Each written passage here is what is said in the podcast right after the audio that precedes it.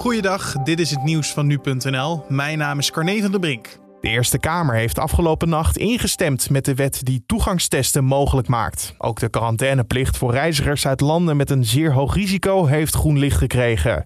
Na een marathondebat kon het kabinet mede dankzij steun van GroenLinks op een meerderheid rekenen. Het kabinet hoopt met toegangstesten bepaalde sectoren eerder te kunnen openen. De testen zullen vooral worden ingezet bij grotere evenementen zoals festivals, zo heeft het kabinet beloofd. Het is nog onduidelijk wanneer de wetten precies ingaan, maar dat zal waarschijnlijk vrij snel zijn.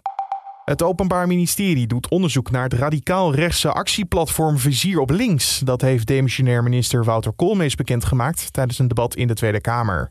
Er zijn meerdere aangiften tegen het platform gedaan vanwege een bedreigende stickeractie. Bij woningen van uitgesproken mensen waren stickers geplakt die verwezen naar een website. Om tips door te geven en zicht te krijgen op linkse activisten. Koolmees keurt dit af. Het is inderdaad intimiderend en ook normoverschrijdend. Inbreuk op de persoonlijke levensfeer van mensen. En het OM doet ook onderzoek of dit strafbaar is, die kan vervolgd kan worden. Dus daarmee zie je ook dat er wel degelijk ook gehandeld wordt uh, als, als dit soort uitingen plaatsvinden. Volgens SP-Kamerlid Renske Leijten is er nu te weinig aandacht voor gevaar vanuit extreem rechtse hoek. Cafés moeten net als restaurants in de zogenoemde stap 3 van het openingsplan al open. Hiervoor pleit minister Vert Grapperhaus van Justitie. Volgens de officiële plannen zouden de kroegen pas later open mogen. Hij zei na afloop van het Veiligheidsberaad dat hij af wil van het onderscheid tussen de restaurants en cafés. Dat is allemaal zo moeilijk vast te stellen. En ga je ook toch weer de mensen die gewoon een kroeg hebben, nou die moeten dan nog langer wachten. Laten we nou gewoon goede regels stellen. Maar dan moet je niet nog live entertainment of videoschermen dergelijke hebben. Want dat trekt gewoon veel meer mensen aan. Het kabinet besluit hier vrijdag over. Dan bepaalt het kabinet ook of die derde stap wordt vervoegd met een paar dagen.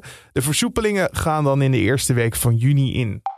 Het aantal Nederlanders wat werk zoekt of meer uren wil maken is gestegen naar 1,1 miljoen. Dat meldt het CBS.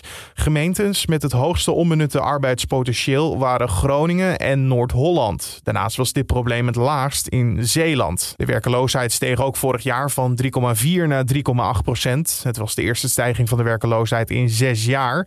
Een groot deel van de opgelopen werkloosheid is weer ingehaald, waardoor die al bijna op hetzelfde niveau ligt als voor de coronacrisis. En tot zover de nieuwsupdate van nu.nl.